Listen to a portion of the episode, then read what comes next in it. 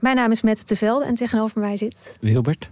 En ik heb vrij veel last gehad van neerslachtigheid, eigenlijk nog steeds wel in het leven. En depressies. En volgens mij gaan we dat proberen op te lossen. We gaan jou redden. En de rest van de mensen. En de toch? rest van de mensen. Ja. Wie redt Wilbert? Dat is de vraag. Wie helpt hem bij de kwesties en problemen van vandaag? Luister naar Wie redt Wilbert en de rest van de mensheid. Een podcast van de VPRO voor NPO Luister. Kijk, de Jordaan.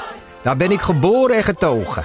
De nieuwe Nederlandse musical Onze Jordaan van Diederik Ebbingen is dit najaar in de theaters te zien. Koop nu uw kaarten op onzejordaan.nl. Leuk toch? In general, not talking about November, are you a good loser? I'm not a good loser. I, I don't like to lose. I don't lose too often. This is a strange question to ask an American politician. Have you ever considered what would happen if the election result came out as you being the winner and Trump refused to leave? Yes, I have. And you have so many rank and file military personnel saying, whoa, we're not a military state. This is not who we are. I promise you, I'm absolutely convinced they will escort him from the White House in a, in a, with great dispatch. Can you give a direct answer? You will accept the I election? have to see.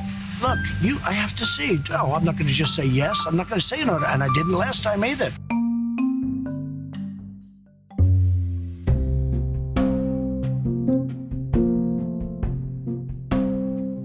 Welkom bij Radio Amerika, de podcast van de Groene Amsterdammer over de Verenigde Staten in 2020. Tot aan de presidentsverkiezingen van komende november en nog even daarna spreken wij elke paar weken over een belangrijk politiek moment. Over de achtergronden daarvan en over de mogelijke gevolgen voor de presidentsverkiezingen tussen de zittende Amerikaanse president Donald Trump en zijn uitdager Joe Biden. Ik ben Rutger van der Hoeven, de buitenlandredacteur van de Groene Amsterdammer. En ik bel vanaf de redactie in Amsterdam met onze correspondent in de Verenigde Staten, Casper Thomas. Hi, je zit dit keer, eh, hoi, je zit niet in Washington volgens mij, maar in Pennsylvania, klopt dat? Beaver County, Pennsylvania, eh, ten noordwesten van Pittsburgh, tegen de grens met, met Ohio aan. eh, echt Rust Belt eh, en, en paars gebied. Het is hier heel spannend eh, of dit over een paar weken democratisch of republikeins gaat worden. Dus dat, dat probeer ik hier een beetje uit te vogelen. Ground zero van de komende verkiezingen. Zeker. Goed, we gaan deze week praten over de vraag: stapt Donald Trump op als hij verliest? Daar is opvallend veel aandacht voor in de Verenigde Staten en nogal wat mensen nemen dat sce- scenario serieus. Joe Biden zelf bijvoorbeeld. Het is nog nooit gebeurd, maar vriend en vijand houden er rekening mee dat Donald Trump in januari 2021 het Witte Huis weigert te verlaten als hij de verkiezingen van aanstaande november verliest. Ja, dat is toch wel erg, eigenlijk bizar, Casper, dat we over deze vraag überhaupt moeten praten, toch? Ja, dat, ik denk dat we dat wel even kunnen vaststellen voordat we dit, dit gesprek verder ingaan. Dat we nu over, eigenlijk over Amerika aan het praten zijn eh, op een manier die, die eigenlijk nooit gebeurd is. Dat je over een, op zo'n manier op een democratie als de deze praat. Eh, gaat de president weg? Erkent hij de verkiezingsuitslag? Dat zijn echt vragen die we, die we kennen van een, een instabiele eh, jonge democratie misschien. Of, of, een, of, een, of een daadwerkelijke autoritaire samenleving. Maar het is echt een vraag die, eh, die top of mind is, ook voor iedereen hier. Ja, om, om zeg maar toch even dat te vergelijken met recente gevallen. Dat, dat is dan recent gebeurd in landen zoals eh, Congo, eh, Sri Lanka, Gambia, eh, Moldavië. Allemaal heel jonge democratieën, terwijl de Verenigde Staten de oudste zijn van de wereld. Dus dat is toch ook met een enorme voorbeeldfunctie natuurlijk. Dus ook ontzettend schadelijk alleen al de speculaties zelf. Ja, nou ja, absoluut. En, en het is een, een vrees die, die echt leeft eh, in den breedte. Aan, eh, de democraten maken zich zorgen over eh, de, de verkiezingen en de nasleep. De republikeinen op hun manier. Kiezers zijn het hiermee bezig. Dus het is niet een vraag die, die jij en ik hier verzinnen vanaf, vannacht achter het bureau. Het is echt een vraag die, die omhoog borrelt hier in de Amerikaanse samenleving. Ja, ik denk ook dat het, dat het belangrijk is om eventjes inderdaad aan te stippen van het- dat wij er niet over hebben, omdat wij nou eh, denken dat dit, eh, dat dit zo gevaarlijk is. Maar dat, eh, je ziet dat in allerlei media terugkomen. Je ziet er mensen over, over praten. En het is een, een soort wolk die over deze verkiezingen hangt. En die ook, ook zeker de laatste weken, waar, waar steeds meer aandacht over is, waar steeds meer over geschreven wordt. En het is bepaald niet zo dat dat alleen maar gebeurt in democratische kring. Want dat zou je misschien kunnen denken. Maar er zijn veel meer mensen ook aan de rechterkant die het daarover hebben. Dat is toch wel een heel erg curieus iets, toch? Je, je vertelde me dat Donald Trump zelf ook deze, uh, deze vlammen een beetje aanwakkert. Dat doet, hij dat doet hij al jaren. Klopt dat? Ja, en, en die, de vraag, uh, meneer de president, gaat u de verkiezingsuitslag erkennen als hij straks binnenkomt? Uh, die is de afgelopen jaren eigenlijk herhaaldelijk aan, aan Trump gesteld. En het feit dat die vraag gesteld wordt, die, daar zit natuurlijk al een kleine, een kleine lading in. want er is dus een vermoeden dat dat misschien wel niet het geval zou zijn. En, maar het antwoord is in die zin dus zorgelijk geweest dat Trump daarna altijd heeft gezegd: Nou ja, ik weet het niet, ik moet het eerst nog maar eens aanzien. Uh, dus hij houdt in die zin de opties open. Of dat hij ook um, zeg maar de hele tijd gebruikt van... oh ja, anderen hebben het erover, haha, we gaan het er meer over hebben om ze te stangen. Maar ondertussen herhaalt hij het dan heel vaak. En het zijn ook van die aanhangers van hem die het opbrengen. Dus um, uh, Mike Huckabee, oud-gouverneur van Alabama, die had het erover... dat, uh, dat wat hem betreft dat wel 12 jaar mocht worden. Um, Jerry Falwell, teledominee die wil dat. En um, ook zijn oude fixer, zijn oude advocaat Michael Cohen, die heeft, uh, dat is zo'n zo ja, berucht voorbeeld wat altijd wordt aangehaald, in de Senaatscommissie gezegd dat hij na al die jaren ervaring met Donald Trump geen moment gelooft dat er een vreedzame overdracht van macht komt.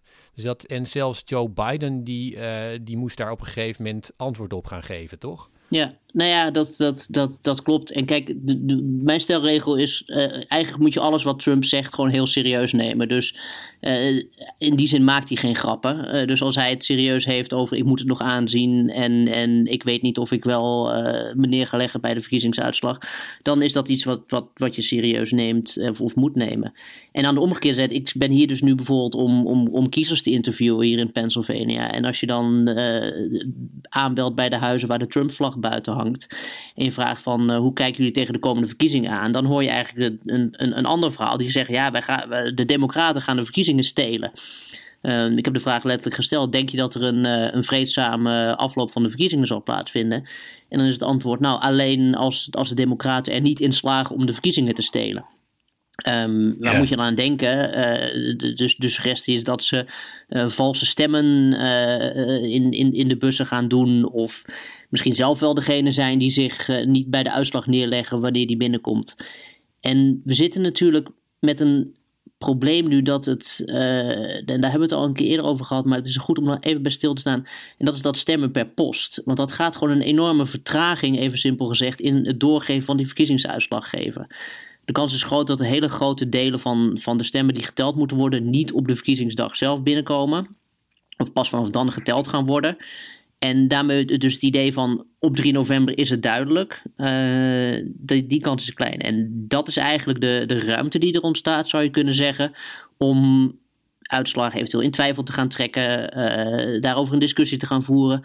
Dus dat is een beetje de, en dat heeft ook weer, komt natuurlijk deels vanwege de COVID-crisis die hierachter zit, maar dat is een beetje de, de omstandigheid eigenlijk die, die de onzekerheid alleen maar groter maakt. Ja, je noemde inderdaad die ruimte, die ruimte creëren, maar die ruimte die wordt, niet, uh, die wordt hier heel duidelijk niet alleen maar um, gemaakt door, door mogelijkheden die er, die er kunnen zijn, maar ruimte die echt gecreëerd wordt door van tevoren te speculeren op die scenario's en door van tevoren te zeggen, uh, er gaat, gaan, uh, die, die democraten gaan dat ongetwijfeld doen, we zullen op de verkiezingsdag daar, daar alert op moeten zijn. Ehm, daarna moeten we ons, ons wapenen tegen, tegen de verkiezingsdiefstal. dus dat is, zijn allemaal manieren om te, om te gaan anticiperen op het aanvechten van wat er dan gebeurt tegelijkertijd blijft het natuurlijk gewoon een, een krankzinnig scenario. Amerika, het Amerikaanse democratie is bij uitstek ontworpen om te zorgen dat er één duidelijke winnaar is en daarna geen, geen heisa meer. Maar ja, dat kun je dus op deze manier allerlei juridische ruimte scheppen en, en ruimte in de maatschappij, omdat, uh, omdat kennelijk toch daarop te anticiperen dat dat, uh, dat, deze keer wel gebeurt. Ja, en, en daar is, er wordt nu ook al studie naar gedaan. Hè? Je hebt hier aan Georgetown University in, in Washington uh, heb je het Transition Integrity Project, heet dat. Dus het is gewoon een, een onderzoek, soort voorspellend onderzoek naar de vraag: gaan de verkiezingen rustig verlopen? En dat is heel interessant. Dat zijn eigenlijk wetenschappers die dan een, een groep democraten en een groep, groep Republikeinen bij elkaar brengen en een soort rollenspel gaan doen. Het is verkiezingsavond, het is onduidelijk wat doe jij, wat doe jij. En dan hebben ze eigenlijk tot de conclusie gekomen in die onderzoeken dat alleen een echt een, een overweldigende overwinning voor Joe Biden zou een rustige overdracht van de macht betekenen. Ieder ander scenario is de conclusie van dit onderzoek. Uh, komt neer op, en het, dat citeer ik, street level violence and political crisis. Dus gewoon geweld op straten en, en crisis in de politiek. En dat is nogal wat. Dat er maar eigenlijk maar één mogelijkheid is volgens dit onderzoek waarop, waarop Amerika een, een rustige verkiezingsuitslag kan krijgen. En dat is een, een, een massa-overwinning voor Joe Biden. En je hebt het dus nu over scenario's die worden gemaakt, die niet alleen gaan over de verkiezingsnacht, maar die zich dan dus ook uitstrekken over 2,5 maand. Want uh, Trump die gaat pas op, uh, als, hij, als hij verliest, hij, uh, die andere scenario's, daarvan zijn natuurlijk ook scenario's waarin hij wint of dik wint.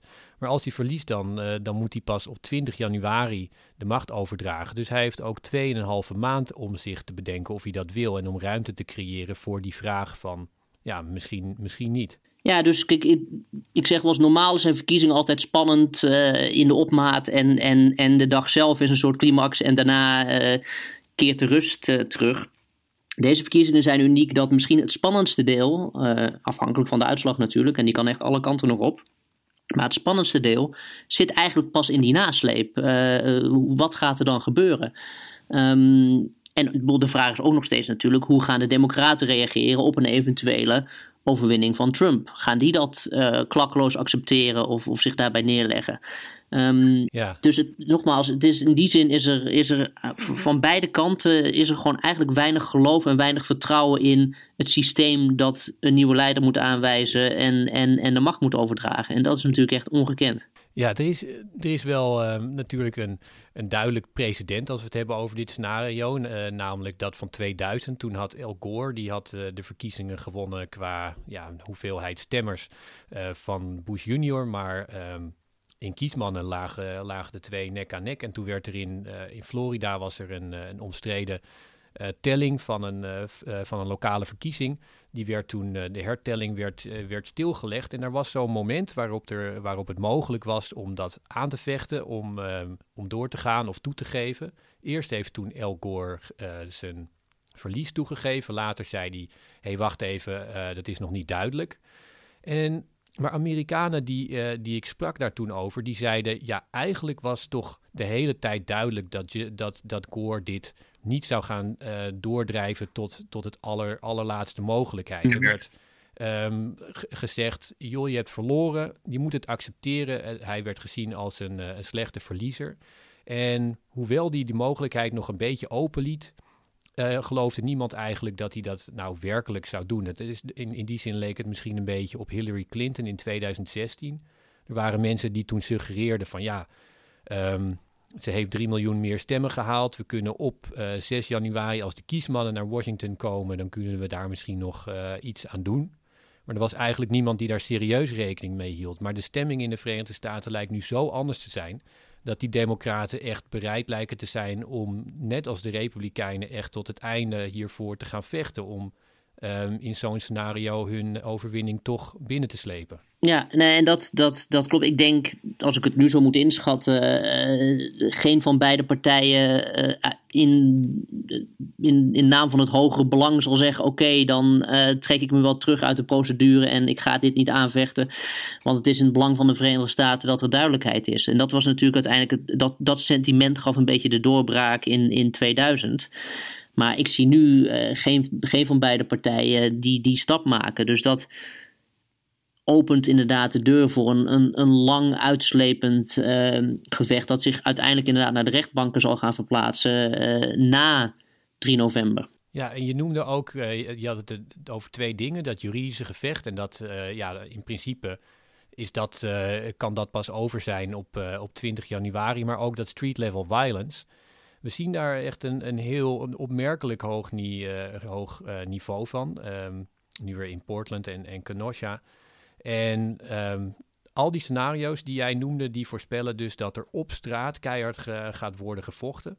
Dat kan dan ook heel lang duren. En dat kan de, ja, de chaos, um, uh, die werkt dat natuurlijk in de hand. Het is in, in dat opzicht is het op zich wel, wel aardig om in herinnering te roepen hoe, hoe gewelddadig de, de Verenigde Staten uh, zijn. Of wat de, de, lange geschiedenis is van, uh, van geweld die, die samenhangt bij, met, met politiek. We hebben nu een paar decennia gehad waarin dat niet is gebeurd. Maar in de, in de jaren 60, 70, maar met name in de 19e eeuw was geweld rondom verkiezingen ja, heel gewoon, zou je kunnen zeggen. Er werd toen ook een, um, een boek geschreven door Richard Hofstetter en Michael Wallace, twee, twee historici. American Violence, a Documentary History. Ik, vind, ik vond het wel aardig om even de, het begin op te lezen daarvan. Dus dat boek dat opent met deze zin. Op een moment van ongekende zorgen over geweld, over Amerikaans geweld, zal de waarde van een overzicht van de geschiedenis van ons binnenlands geweld weinig uitleg behoeven. Dat was dus 1970, maar dat lijkt echt het lijkt echt meteen aan te sluiten op nu. Het is een, een halve eeuw. Ja. Maar dat begint dan, hun lijst begint echt bij geweld tussen de pelgrims en puriteinen in 1634. Nou, dat heeft dan een, um, een, een een piek in de, in de 19e eeuw, maar er zitten dus politieke moorden bij. Nou ja, iedereen kent Kennedy, maar er zijn ook alle, allerlei andere politieke moorden gepleegd. Mm um, er zijn uh, uh, geweld bij verkiezingen, heeft een eigen hoofdstuk. Maar ook geweld in de naam van law and order heeft zijn eigen hoofdstuk. Dat vond ik toch ook wel eventjes heel opmerkelijk om erbij te halen.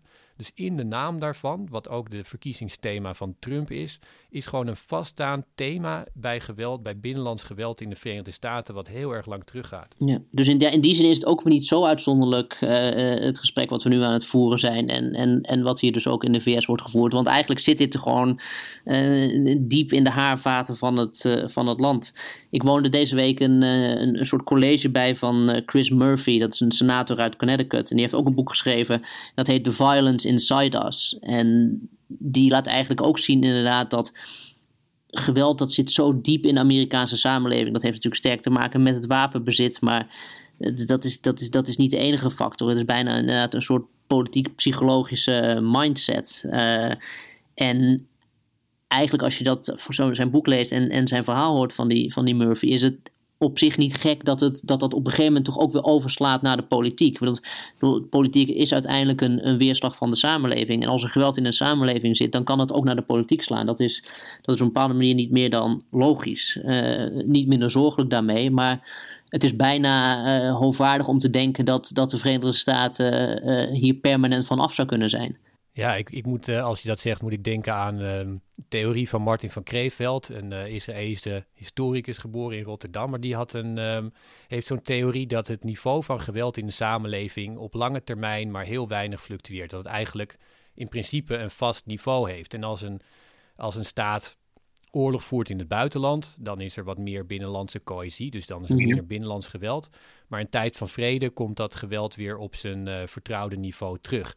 En de Verenigde Staten zijn natuurlijk uh, geboren uit een, uh, uit een expansie. Uh, vanaf het begin oorlog gevoerd tegen de oorspronkelijke bevolking. uitgeroeid op plekken waar, ehm, waar ze zeg maar in de weg liepen. En dat niveau van, van geweld is gebleven. Je hebt de slavernij gehad. En ehm, in zijn, in zijn theorie is dat dus een, een, een niveau wat nauwelijks uh, af kan nemen. En daarmee is de, de Verenigde Staten ook wel een van zijn grote voorbeelden van een land wat de hele tijd dat hoge niveau van geweld houdt, ook in vredestijd. Ja, en, en, en tegelijkertijd is het willen indammen daarvan en het, het, het eigenlijk het willen afschudden van een geschiedenis van geweld, die natuurlijk sterk samenhangt met dat, met dat vuurwapenbezit, is wel degelijk een, ook weer een inzet van, van, van deze verkiezingen en, en andere. De vraag welke partij uh, uh, wel of niet de wapens komt afpakken. Het is ook een van de eerste dingen die, die, die mensen noemen op het moment dat je vraagt waarom stem je op de Republikeinen en, en, en, en niet op de Democraten. Het idee van de Second Amendment rights, het recht op wapenbezit, wordt dan toch altijd weer opgenoemd. Dus het is, um, ja, het is, de verkiezingen gaan ook in die zin over Amerika en wil je wel of niet een land zijn waarin geweld of, de neiging tot geweld een, een, een soort uitlaatklep heeft uh, via vuurwapens. Dus dat, het, in die zin weet ik niet of het altijd hetzelfde zal blijven. Ik denk wel degelijk dat er verandering, uh, politieke verandering op dat punt mogelijk is. en en dat is een, die strijd is Amerika dus nu voor een deel via de stembus aan het voeren. Maar het ziet er dus naar uit dat het breder kan gaan dan alleen de stembus.